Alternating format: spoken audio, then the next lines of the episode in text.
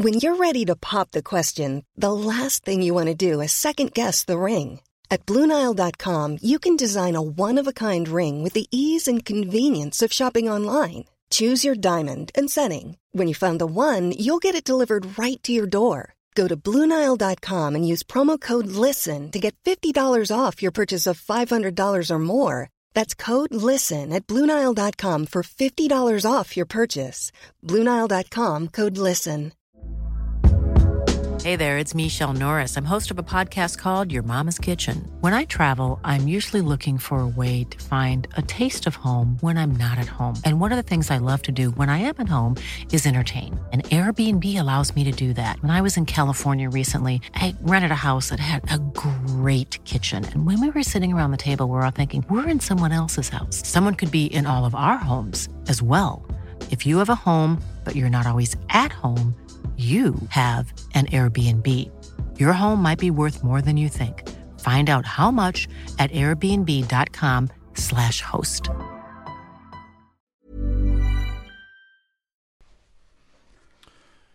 Ja, killar. Nu är, vi, nu är det igång.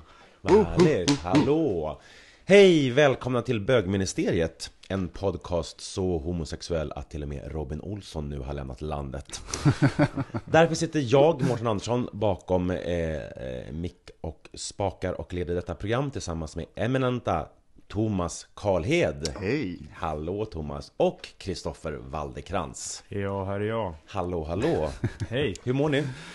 Eh, Jo, sådär faktiskt. Det, det, var, det var lite party igår, så jag är lite trött. Ja, vad härligt Mm.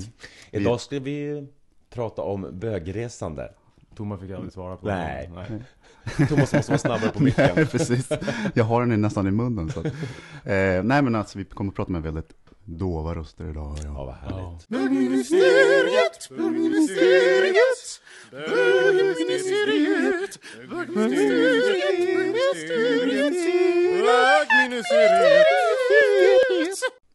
Idag ska vi prata om bögresande Mm. mm. Har ni... låter som så här, eh, handelsresande i bögeri. Mm. Vad får ni upp för bilder när man säger bögresande?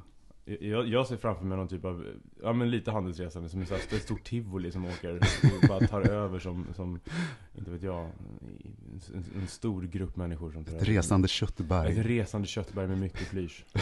Är det viktigt för er att eh, det finns liksom en arena för bögar när ni bestämmer resemål, vart ni ska? Både och. Jag tror att det handlar om eh, vilken typ av resa man, som jag söker efter. Eh, det skadar ju inte i, i vissa typer av resor. Eh, om man vill eh, umgås med kompisar, om man åker ner och kanske ska festa, ligga på stranden och sådär. Att det finns en, en gay-scen också.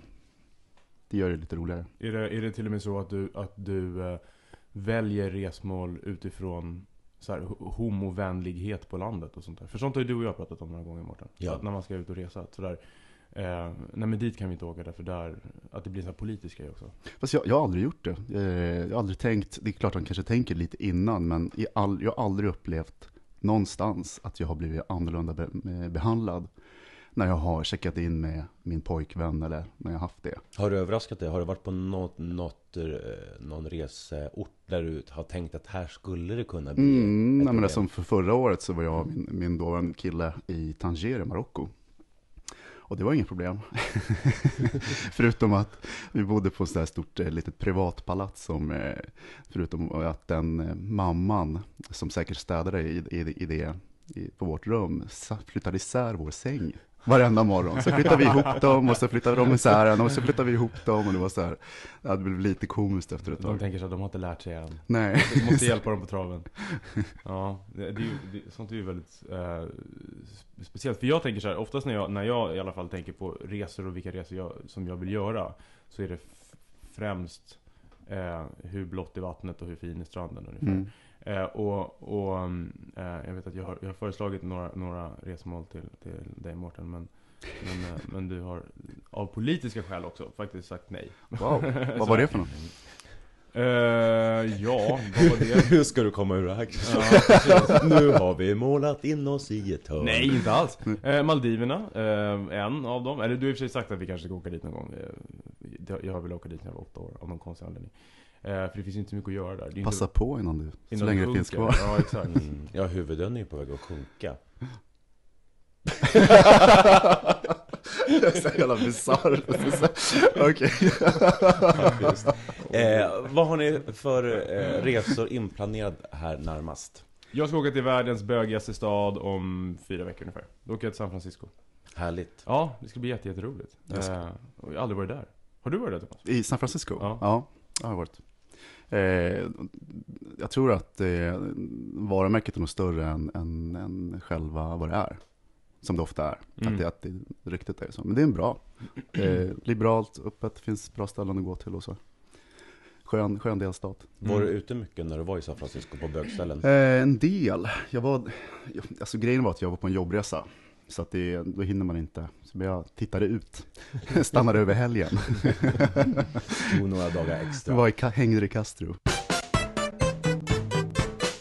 Men hörni, vad, vad tror ni skiljer eh, bögars resande jämfört med straighta?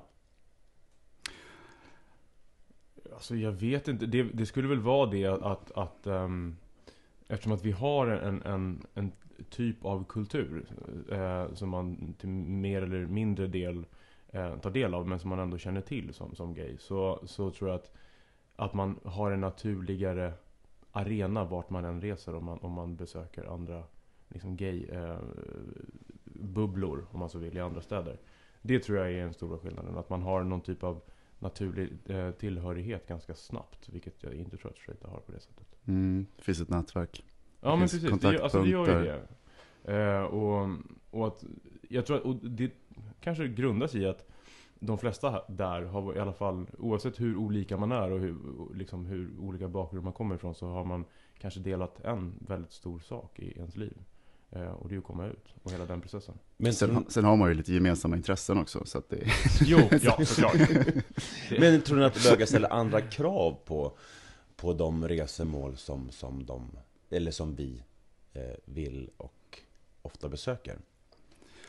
jag tror att, jag tror att, eh, jag tror att bland bögar kanske också att livsstilsresande på något sätt. Att, jag menar, det är en, en, en central del i bögars livsstil om man generaliserar. Eh, men sen tror jag också att, att man eh, att livsstilsresandet på något sätt är, är mer är tydligt. Att det, man plockar upp restauranger och designhotell som var hett på 90-tal, 90 och 00-talet och man har så bra koll på vart man ska åka. kitchens. Precis, och lounge, loungemusik och Ja, överallt. Buddha bar. Buddha bar och, så att jag tror att eh, man är nog ganska mycket, jag tror det, jag vet inte, men det är early adopters på många sätt. Men är det, alltså, jag, jag tänker på och sak. urbant, att det är liksom en storstadsresande Ja. i hög utsträckning. Så. Ja. Förutom alla amerikanska bögar som åker till Puerto Vallarta i, i Mexiko. Ja, men men, men är, det inte så att, att bögar tenderar att, tenderar att resa mer än straighta? Jag får för mig det att så här, är, man, är man bög och bor i västvärlden och har okej ekonomi så blir bögvärlden, internationella bögvärlden pytteliten. För vi, Mm. har ju varit, vi har ju varit på resa i både Sydney och Barcelona och London och träffat samma människor. Ja, de går Och, vilket är helt bisarrt när man tänker på det. På hela den här stora klotet liksom, så är det så här. Jaha, nej men det var ju du. Vi sågs ju för tre veckor sedan i Barcelona. Hur är läget? och, och, och det ehm, tror jag inte man ser i den straighta världen på det sättet. Men du och jag stötte ju på varandra på Oxford Street i, i Sydney. Precis, utan Ja. att jag kommer ihåg det. Nej, precis. Och vi stötte på varandra i. Sitges också innan vi umgicks. Ja, visst det. nu kom Sitges, det är så bra. Okej, nu lämnar vi. Sitges. Thomas hade Den nämligen en väldigt till spännande resa där för några år sedan. Ehm, vilka är de här st- stora gayresemålen? Har ni täckt in dem i ert resande? Bra fråga.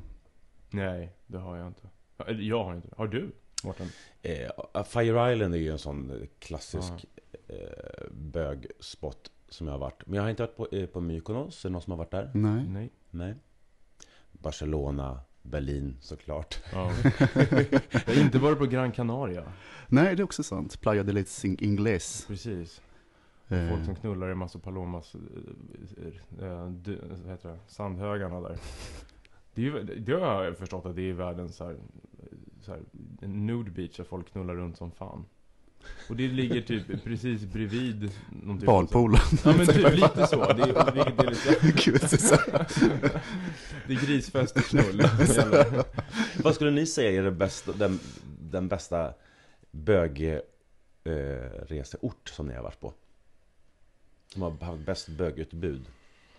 Alltså jag måste nog ändå säga Sydney faktiskt Därför att jag tycker att Sydney har ehm, Har allt man kan tänka sig vilja ha av en så här gaysemester om man nu pratar om gaysemester på det sättet Men så här, det finns storstad, det finns så urbana som du pratar om Thomas Men det Mm. finns också eh, närheten till, till na- natur och stränder eh, Det finns bra mat, många olika klubbar som har öppet väldigt, väldigt sent och när de stänger så öppnar de ny liksom.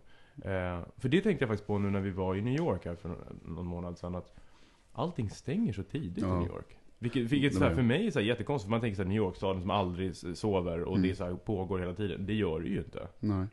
Ja, men det är samma sak med Paris, att Paris är ju en, en, en fantastisk stad, eh, även som bögresmål.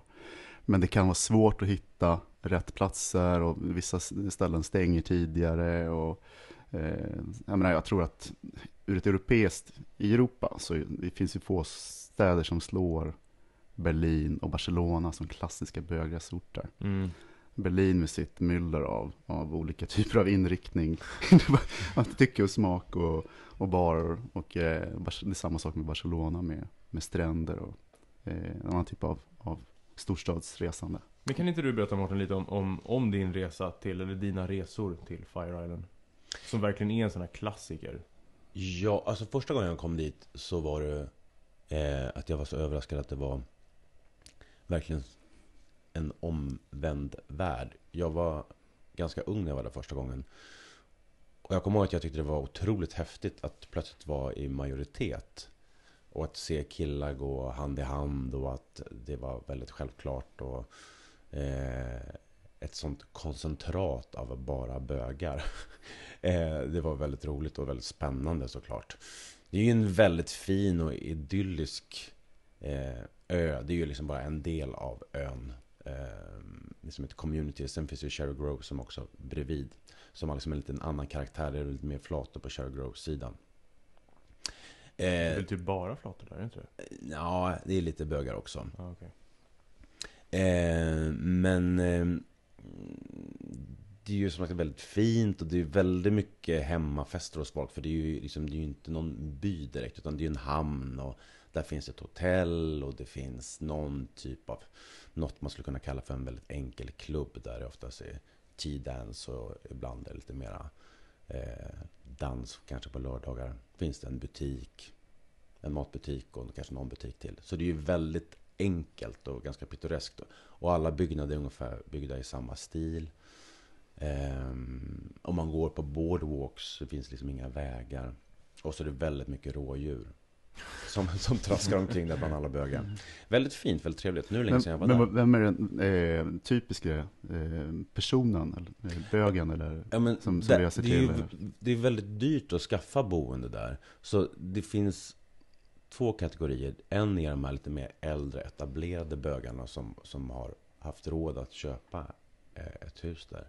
Sen är det ganska många yngre killar som hyr, eh, har liksom en share och så åker man kanske åtta om åtta. Så åtta killar åker en helg och så åker nästa åtta. Så man är 16 som har totalt ett hus under en sommar.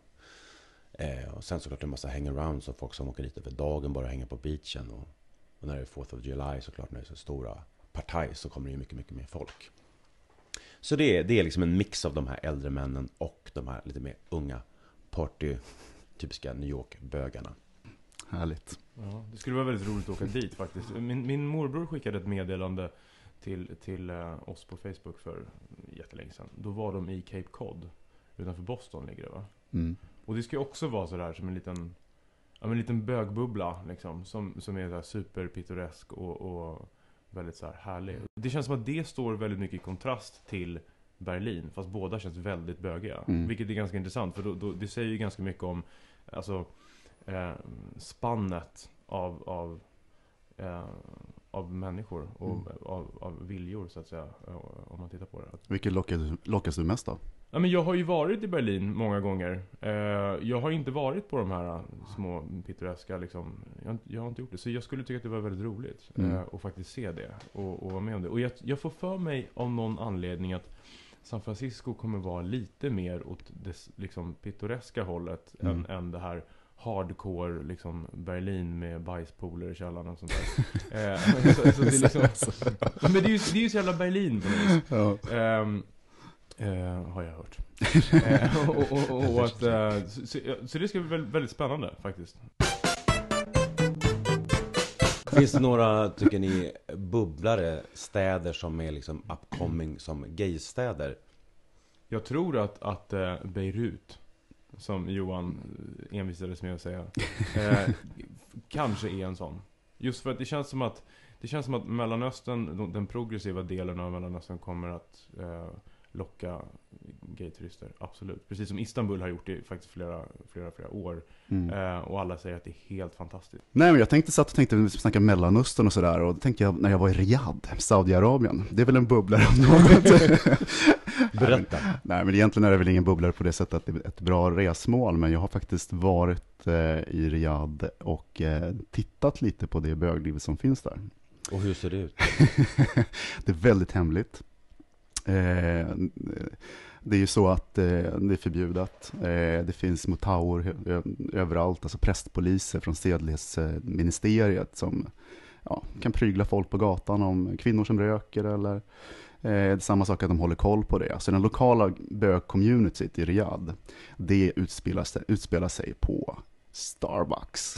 Nej, är det sant? det är sant. Eh, Gud vad roligt. Ja, men det, var, det var på en ambassad i Sadistan, jag var, tog en, en kompis med i- dit och vi drack kaffe sen sent på kvällen och tittade på, på, på böglivet. Och eh, det var, det, det är intressant där att det är ju en väldigt, folk är ju misstänksamma. Det är ju ingen som vågar ta kontakt, för att det kan ju vara så att det är någon som infiltrerar eller en grej. Så det är väldigt, en väldigt, väldigt speciell stämning där inne.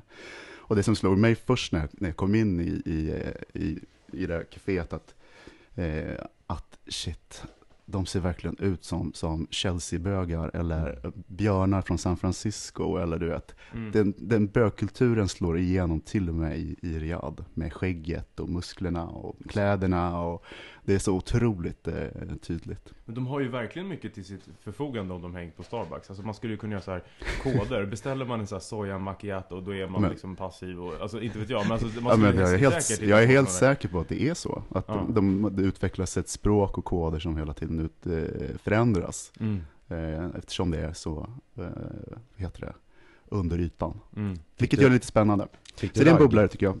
Nej. jag reste i tjänsten. Så. Tel Aviv också.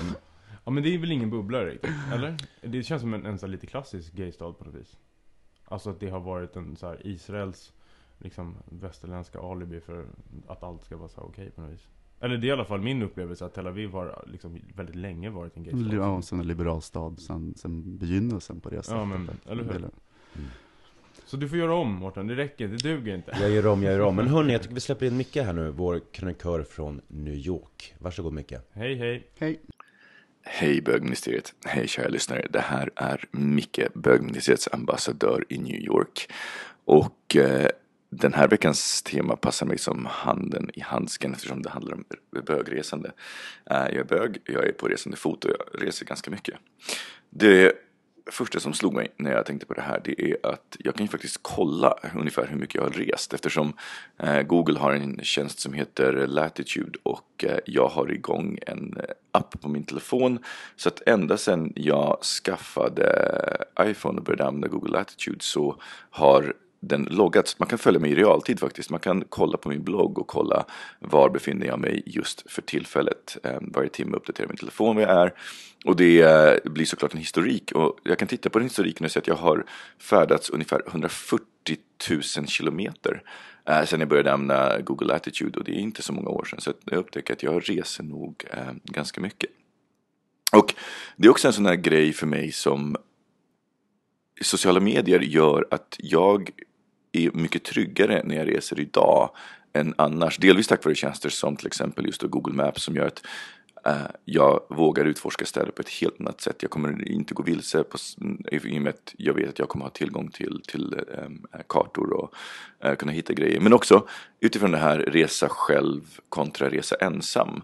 Jag tror att Innan sociala medier så skulle jag nog ha sagt att om jag åkte på egen hand så reste jag ensam. Numera så säger jag att jag reser själv men jag är väldigt sällan ensam.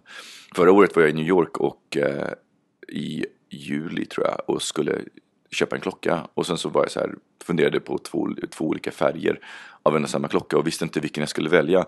Så det jag gjorde var att jag bara tog ett foto och, och skickade ut på Twitter och frågade vilken klocka är snyggast, vad tycker ni? Och det var mass, massor med människor som hörde av sig och berättade vad de tyckte och hjälpte mig. På det sättet så blir, man kan alltid dela med sig av upplevelser. Och jag tror att det är väl egentligen vad det handlar om. Resande för mig handlar om upplevelser. Och så länge jag kan dela upplevelserna med för mig relevanta personer så spelar det inte så mycket roll vad jag är utan det handlar mer om vem jag är där med. Som till exempel när jag var i Cleveland två veckor förra året. Eh, det hade ju kunnat vara döden och Cleveland är inte en speciellt rolig stad om vi ska vara helt ärliga. Men i och med att jag träffade bra och roliga människor där så upptäckte jag verkligen platser handlar mer om människorna man träffar där. Eh, om de människorna är härliga och roliga så kommer platsen att vara härlig och rolig. Jag tror att man kan ta ner det på väldigt liten nivå också. Bara jämföra att vara på ett sunkigt ölhak tillsammans med sina bästa vänner kontra att vara på en sjukt häftig klubb tillsammans med riktigt, ett riktigt tråkigt gäng. Um, jag menar till och med Finlandsfärja skulle kunna vara roligt med rätt personer. Jag är fortfarande helt övertygad om det även om jag inte har varit på en Finlandsfärja på wow, uh, tio år. En annan sak som slår mig med eh, bögresande är att det är verkligen värdefullt att vara öppen bög eller bög och resa i alla fall i västvärlden eftersom man per automatik, det finns alltid någon typ av, av bög-community, bögområde eh, i, i de flesta västerländska städer eller större städer. Och i och med att man automatiskt har någonting gemensamt. Man har, man har någon typ av utanförskap, någon typ av gemensamma kulturnämnare. De kulturnämnarna, Eh, bögars gemensamma kultur är ganska gränsöverskridande, i alla fall i västvärlden. Och de tillsammans gör att det blir så mycket lättare att träffa folk. Um, här i New York till exempel har jag ju då träffat James, en um, kompis nu som jag har hängt med ganska mycket och genom honom så jag har träffat andra kompisar.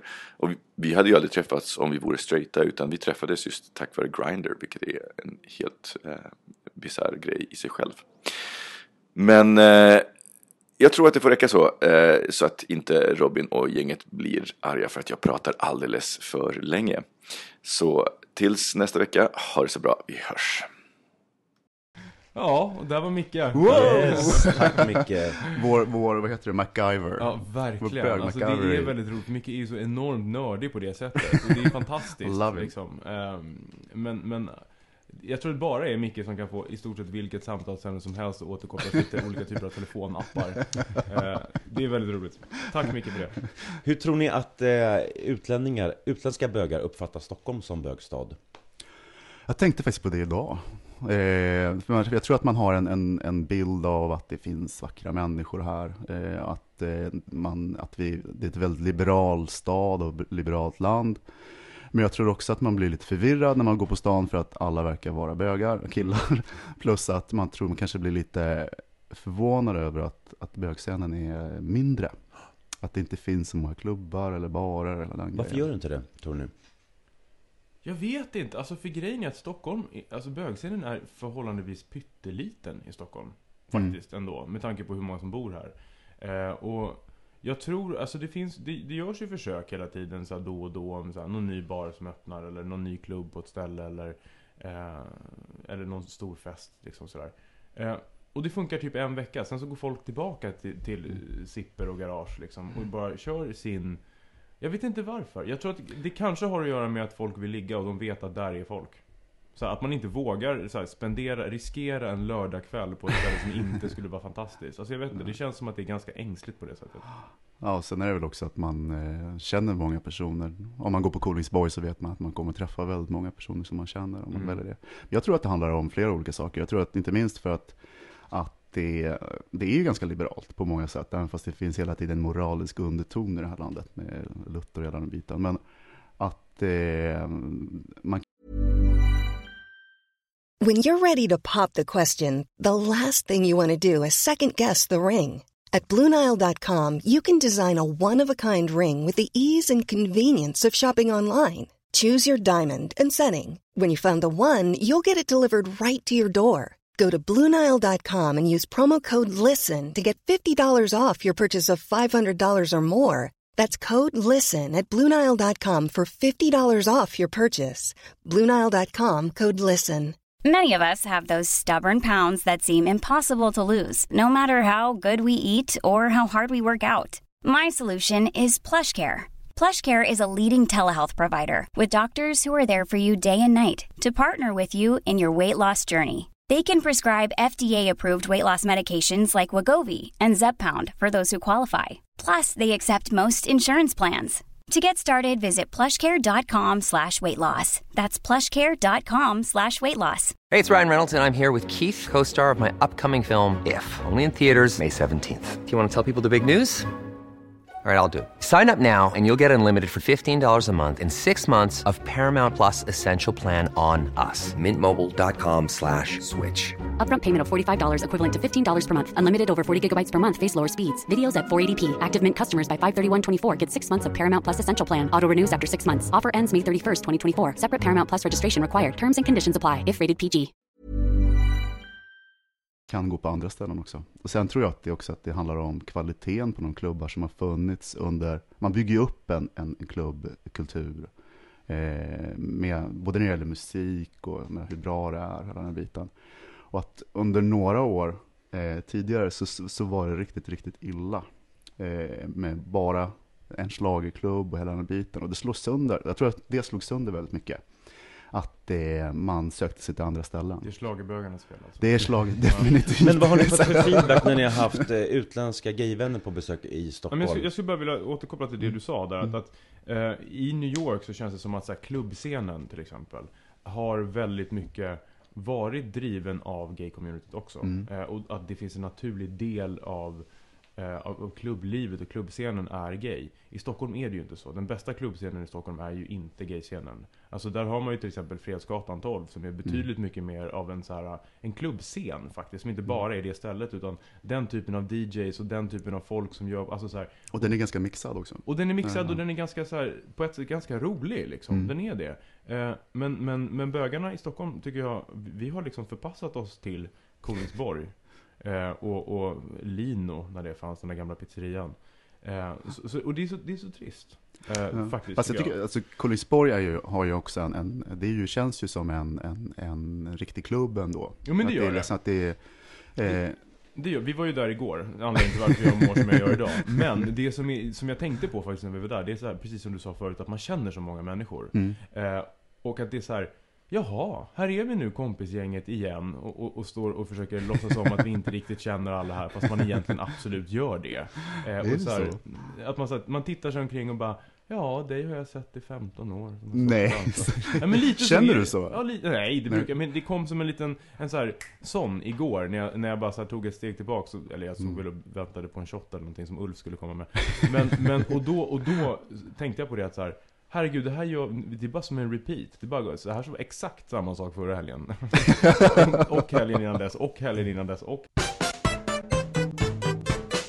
Jag är lite nyfiken på, på ehm, det vi var inne på tidigare om bögars resande kontra straighta personers resande. Vad som skiljer bögars resande åt. Och Ja. på vilket sätt i sådana fall. Om ni går till er själva. Eh, vad tror ni att... Hur, hur tror ni att ni skiljer er i ert resande jämfört med kanske straighta syskon som ni två båda har? Ja, men alltså, vi har ju helt andra livsstilar. Eh, vi, jag har inga barn. Eh, och- så det skapar ju andra förutsättningar. Plus att man har, en, vänner blir väldigt mycket viktigare. Man har, jag tror, ett, ett större internationellt nätverk. Eh, jag tror att, jag tror att eh, bögar reser mera. Eh, definitivt. Också för att det finns förutsättningar för det och att det känns viktigt. Och att, kanske också för att, eh, eh, för att bredda lite av den här, att, den här bubblan som man lever i, i, sin, i sin hemstad. Att Mm. den, det blir större. Nej men jag tror också ehm, att det finns en helt annan typ av agenda in, i- inlagd i ett, eh, ett bögresande. Ehm, innan man åker så kommer garanterat bögen eh, kolla upp uteställen. Eh, Mm. som, en, som en självklar del av resan. Eh, på, en helt, på ett helt annat sätt än vad straighta gör. Eh, Och kanske kolla Bara förutsätter jag liksom, utan, Ja. jag, nu bara fördomar. Men jag, jag tänker det för att, eh, också som du säger att så här, apropå det jag var inom tidigare med Kungsborg, att så här, eh, precis som förra helgen och förra helgen. Mm. Nu blir det så här, nu ska man gå på ett nytt ställe där man faktiskt på riktigt inte känner någon. Och det är så här, lite kittlande och det blir en ganska stor del av bögresandet. Och det är därför folk, tror jag, åker till just Berlin, New York, eh, Barcelona, London, de typerna av städer. För man vet att där finns en stor utescen och nattliv. Liksom. Förutom nattlivet då, vad, vad är det annat tror ni som Men vi bögar tycker Men jag tror jag skulle är spinna på, viktigt? spinna på det Kristoffer sa, att man kanske till och med tar kontakt med fo- folk eh, på plats för att få tips, eller för att för folk som man inte känner, så att man, Mm. eller bekantas bekanta, för att Mm. man ska få liksom ingångar till eh, lite så sociala kretsar och redan eh, på, från studs liksom ha, ha, ha kontakter och det tror jag skiljer. Ja, det- Eftersom ja, och, och, och jag där tror jag liksom alla de här sociala, det som mycket snackar om, sociala medierna, de här verktygen gör det så mycket enklare på något sätt att eh, få kontakt med folk. Oavsett vad man, vad man är ute efter. Det var ganska intressant för att när, när jag bodde i Sydney 2004 eh, så hade jag en sida på Gaydar. Och där fanns det en inställning, kommer jag på nu, som, som eh, var att man kan säga att man är på resande fot. Så här. Nu är jag på besök i Toronto eller i Melbourne. Liksom. Mm. Och då blir man klassificerad som någon som är turist, tillfällig turist i stan. Och därför att det är en sån pass stor grej. Så då, då får man helt plötsligt kontakt med folk och säger Hej, välkommen hit. Det här och det här händer ikväll. Alltså det är en helt annan typ av ehm, innan de här apparna som Micke pratade om fanns så, så gjordes det här i alla fall. eh, på de gay-communityn som fanns tillgängliga då. Mm. Eh, men förlåt, du, du ställde en fråga förut Mårten som, jag, som vi Jo, vad som, förutom det här med, med klubbkulturen som vi, vi har lyft. Men vilka andra saker tror ni är viktiga för, för gays när de väljer resmål? Vi gays. Alltså, det, lite så här lätt generaliseringar och sådana saker Ja, tror jag, men det är liksom, kör. ja vi generaliserar nu, vi gottar oss i så här, den enkla bilden. Och jag, och jag kan också samtidigt när jag känner, se, när vi rabblar upp dem, att Mm. jag kan känna mig lite så här, eh, nu ska jag svära i kyrkan, men trött på det. Ja. Ja. hela den här grejen. Men jag, om, man, om, man, om jag gissar så tror jag att Gå till dig själv. jag menar, ja, men, close ja, men då kan jag inte göra det. Men jag tror att shopping till exempel, men jag, jag är ingen shoppingmänniska egentligen. Vi Eh, såg det nu. ja. Eller hur? Där låter Thomas en Fishman, Fishman Friends, ja, så, precis. Nej, men alltså, jag tror att eh, ni såg mig två timmar på tio dagar gå bärsärk på en butik, vilket det var ju skönt. Eh, men hur som helst, att jag tror att det är en sån, en sån, en sån sak. Jag menar livsstil, så här, njutning, att eh, eh jag tror att det finns säkert en klick som älskar att gå, gå på teater, gå på musikal, hela den biten. Att ett, ett väldigt aktivt förhållningssätt. Ja, det tror jag Eh. också. Det, att, precis, man är väldigt aktiv på sin resa. Eh, och jag tror andra saker också som, som ger en lite mer så här finkulturstatus. Alltså så här, bra restauranger, Mm. museer, att man ska vara på den senaste utställningen på liksom Contemporary Museum of Art och, och sådana där saker. Eh, och det är snarare, alltså jag kan uppleva ibland att det känns som att man gör det som en checklista för att man ska göra det. För att man inte Mm. bara, alltså som, det ska stå i någon aktiv kontrast till att bara liksom dansa till klockan åtta på morgonen på en klubb. Faktiskt. Ehm, så, och, och så shopping, såklart. Mm. Eh, men sen, det är ju ganska roligt också att väldigt, jag tror att eh, väldigt många bögar tenderar också att kolla upp vart är gymmet. att faktiskt så här, man åker på semester men man måste hitta ett gym eh, som man kan gå på. Och för det blir också en del av det här sociala spelet beroende på vart man åker. Men åker man till New York och går på David Barton så är ju det som att gå in i Grindr på riktigt. Liksom. Och det är någonting också som folk gör nästan till en attraktion tror jag. Ja, och sen så tror jag också liksom att eh, om, det finns en viss typ av eh, bögresenärer som också är, går på stora fester med bara överkropp eller den grejen och då är det ju superviktigt. Ja, eh, då, då är det ju superviktigt att du är uppumpad när du går dit. ja, så att det, så att det, är- det är också en, en del av, av det. Tror ni att bögar har högre krav på komfort? Tror du det Mårten? Ska jag bara tillbaka till mig? Ja.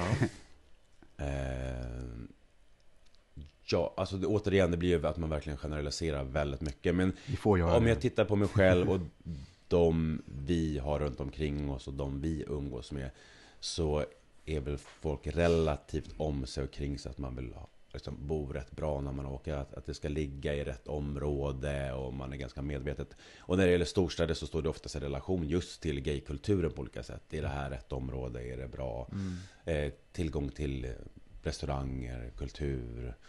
Ehm, Jag tänkte på det, vi, du och jag var ju i, eh, Berlin förra helgen. Eh, och, och med, med min mamma och min syster och hennes kille.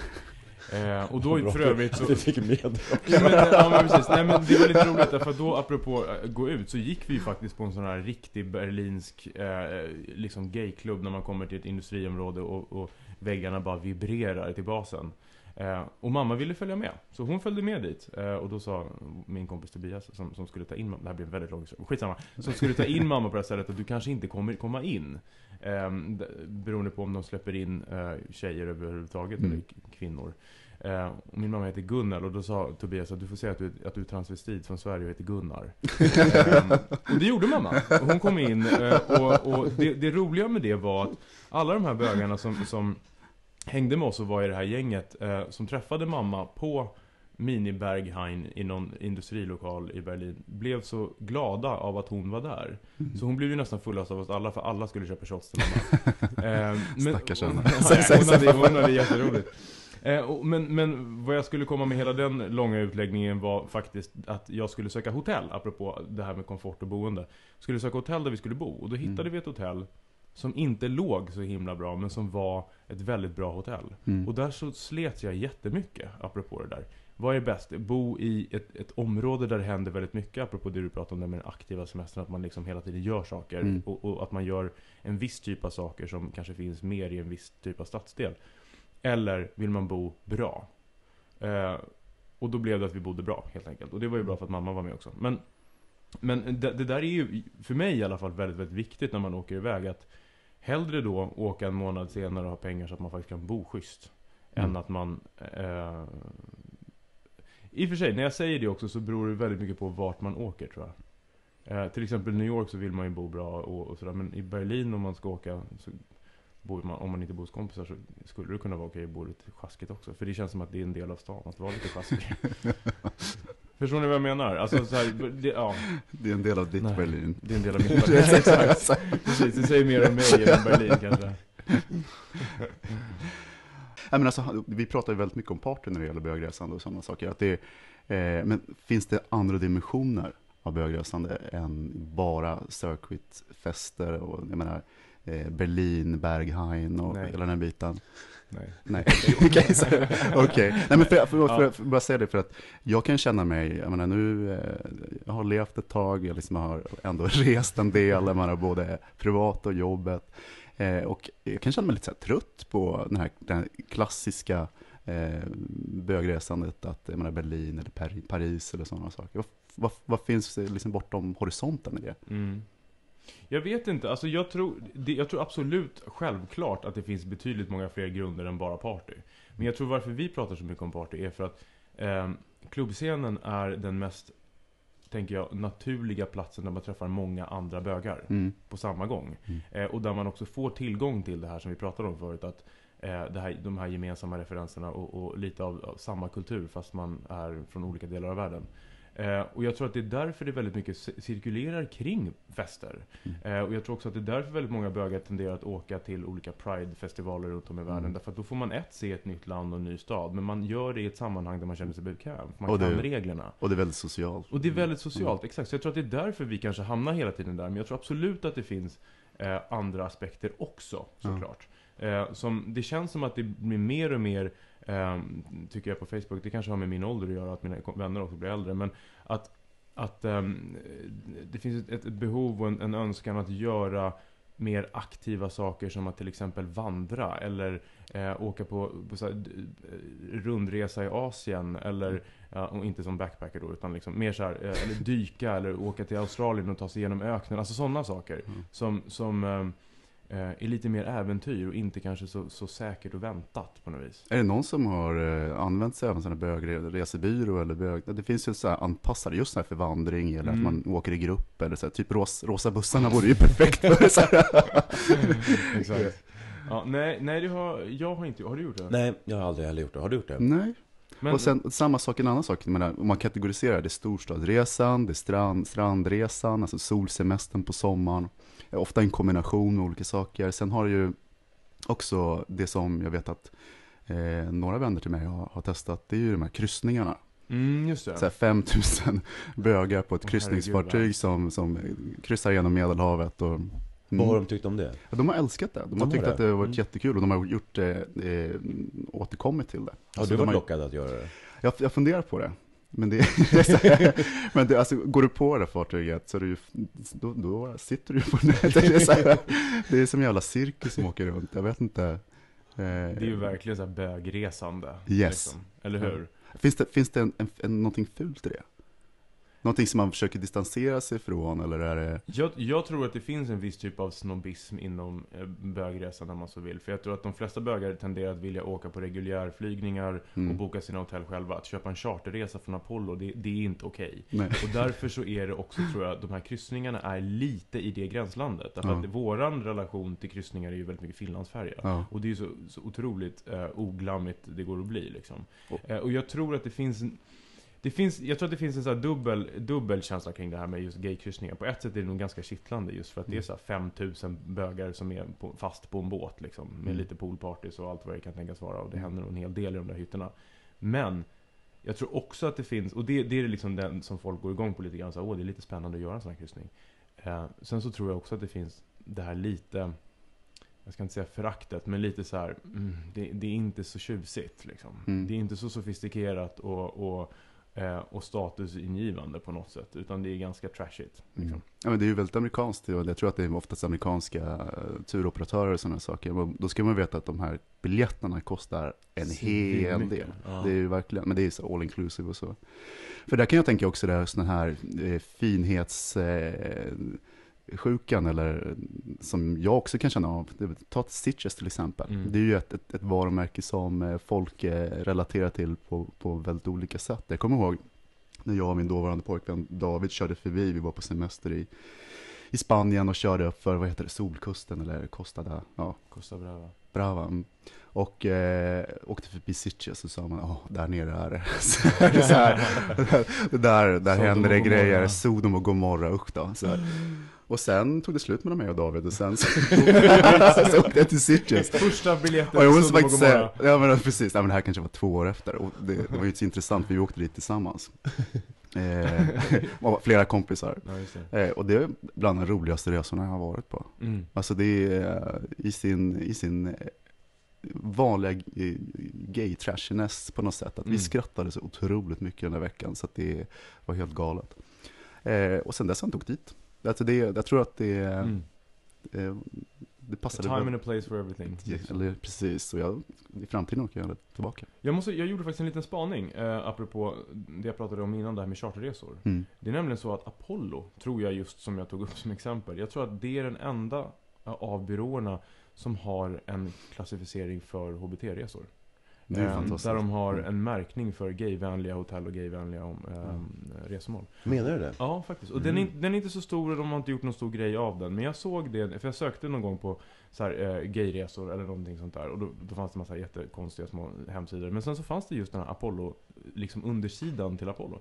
Eh, och det måste jag säga gjorde mig lite glad. För att eh, det är klart att det finns folk som vill åka på charter. Mm. Eh, och, och eh, då vill man ju också kunna åka på charter till ett kanske ett hotell där de inte drar isär sängarna. Eh, liksom, apropå det du sa förut. Utan att, att det, är liksom, det är helt okej att vara där man är och, och, att, och, och att de då tar ansvar för det och faktiskt märker upp det. det är, så, så cred till er på Apollo. Verkligen. Mm, verkligen, applåd. Applåd.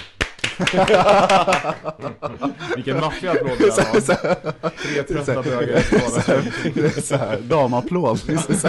Oh, applåd. Så fan. ja, men det som är intressant är ju verkligen att det finns en gemensam kultur. Oavsett om man kliver in i New Delhi eller i, eh, på, på en bar eller en klubb eller, eller i, på Starbucks i, i Riyadh eller i Tokyo eller i Berlin eller i Stockholm. Att det, finns någonting som går gemensamt när det gäller musik. Alla står och hoppar till Madonna. Liksom. Mm. Jag kommer ihåg när jag klev in på en, en klubb i New Delhi. Eh, och det är ju, jag menar, på den tiden har man faktiskt ändrat det, att det inte är olagligt att vara eh, homosexuell eller begå homosexualitet i Indien längre. Men på den tiden var det det. Så att, men, och då var det intressant att komma in till ett helt, en hel grupp med människor som står och dansar till Madonna. Och det, det är som kliva in eh, på Kolingsborg eller vilken, vilken klubb som helst.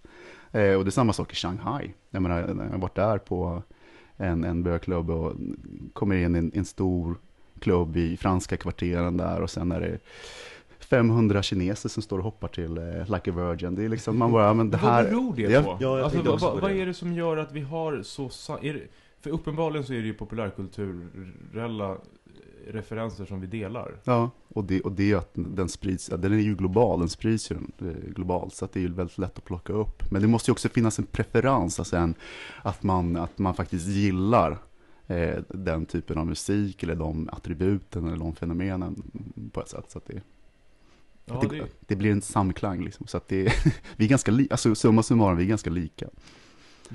ja, ja, på ett sätt är man ju det, för Kylie funkar överallt, och Madonna också. Det är ju så, och det är ju så, och det är det som är så, det är det som är så väldigt speciellt. Jag tänker så här, har det att göra med att man eh, någon gång i något litet pojkrum någonstans eller så, när man drömde om att vara i den stora världen där det är okej, att man så här, man tittar på samma referenser, man tittar på New York och man, man tittar på de största så här, stjärnorna, som vi var inne på i något tidigare avsnitt av Bögmuseet också, det här med divan liksom. Mm. Och, och, och, och är det, är det, man undrar så här, är, vi kan konstatera att Kylie funkar överallt och Madonna med. Men varför just dem? Alltså vad är det med det som gör att vi faktiskt samlas kring det? För det som är så viktigt är att så här, det är inte bara att alla gillar musiken och gillar att dansa till Like Virgin. Mm. Utan det på riktigt blir ju en faktisk eh, shit mellan människor som gör att vi har helt, liksom, en, en hel arena av, av sociala förmåner för att vi gillar Madonna. Alltså det, det, är, det är ganska intressant när man tänker på det på det sättet.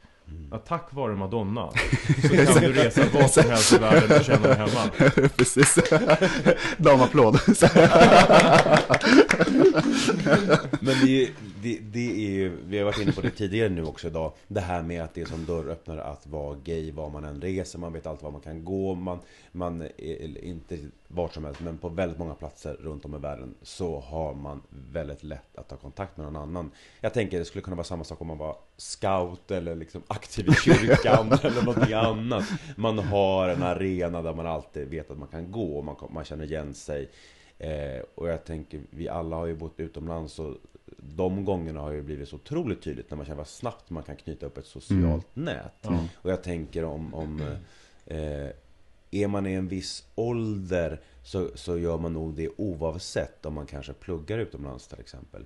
Men om man flyttar och börjar jobba så då, då tror jag att det kan vara knepigare om man inte har ett sånt typ av sammanhang att kunna bygga upp ett Ja. socialt liv väldigt fort.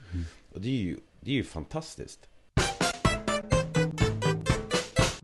Jag tror också när vi pratar om resande i framtiden så tror jag att du var inne på Apollo att de har en gay-nisch. Att det finns, det tror jag också kommer vara fler som kommer haka på det. Mm. Att man kommer jobba mycket mer med den typen av eh, reseform. Att folk kommer specialisera sig mer, vara mycket mer specifika. Vara tydligare mot en viss målgrupp, mot, mot oss som, som bögar. Jag tror, det är ju många, och ingen nyhet att det finns mycket pengar att hämta. Men jag tror att fler och fler kommer att arbeta riktat mer mot bögar i Mm. resandet. Mm. Sa- SAS gör ju det ganska, ganska aktivt också. De ska ju ha världens första transbröllop uppe i på 10 000 meters höjd här snart. Vad är inbjudningskortet? Ja, eller hur? Eh, de blev, de Du utnämnda- sminka er.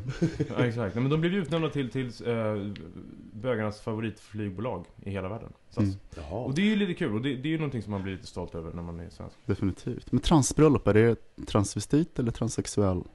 N- Eh, jag, tror inte att det är två drag queens, utan Sorry, fan. det, är nog, det är nog male to female eller tvärtom som ska gifta sig på något vis. Fast jag tycker det är också intressant när man kollar på en stad som hade ett väldigt gott rykte om det här med att om bögresande kan påverka, men det är ju som Riga, det hade en liten sån här eh, eh, är av sig att det var lite tolerant och öppet och var spännande och hela den här biten. Men det har ju liksom verkligen backat, Mm. även när det gäller Ryssland. Att det är, Mm. Men det är större, De större slutade för- producera Bellamy-filmer helt enkelt. Ja, och med de kloka orden så knyter vi väl ihop den här säcken om bögresande. Damapplåd!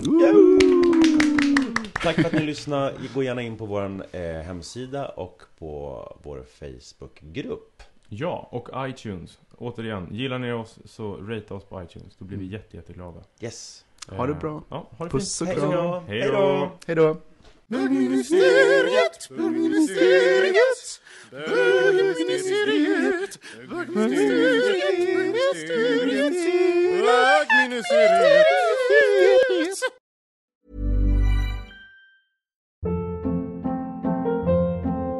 Hold up. What was that? Boring. No flavor. That was as bad as those leftovers you ate all week. Kiki Palmer here, and it's time to say hello to something fresh and guilt-free. Hello Fresh. Jazz up dinner with pecan-crusted chicken or garlic butter shrimp scampi. Now that's music to my mouth. Hello Fresh. Let's get this dinner party started. Discover all the delicious possibilities at hellofresh.com.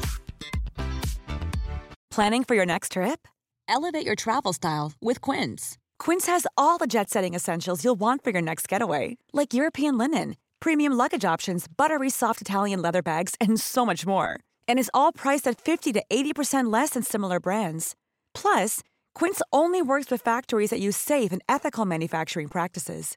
Pack your bags with high-quality essentials you'll be wearing for vacations to come with Quince. Go to quince.com/pack for free shipping and 365-day returns.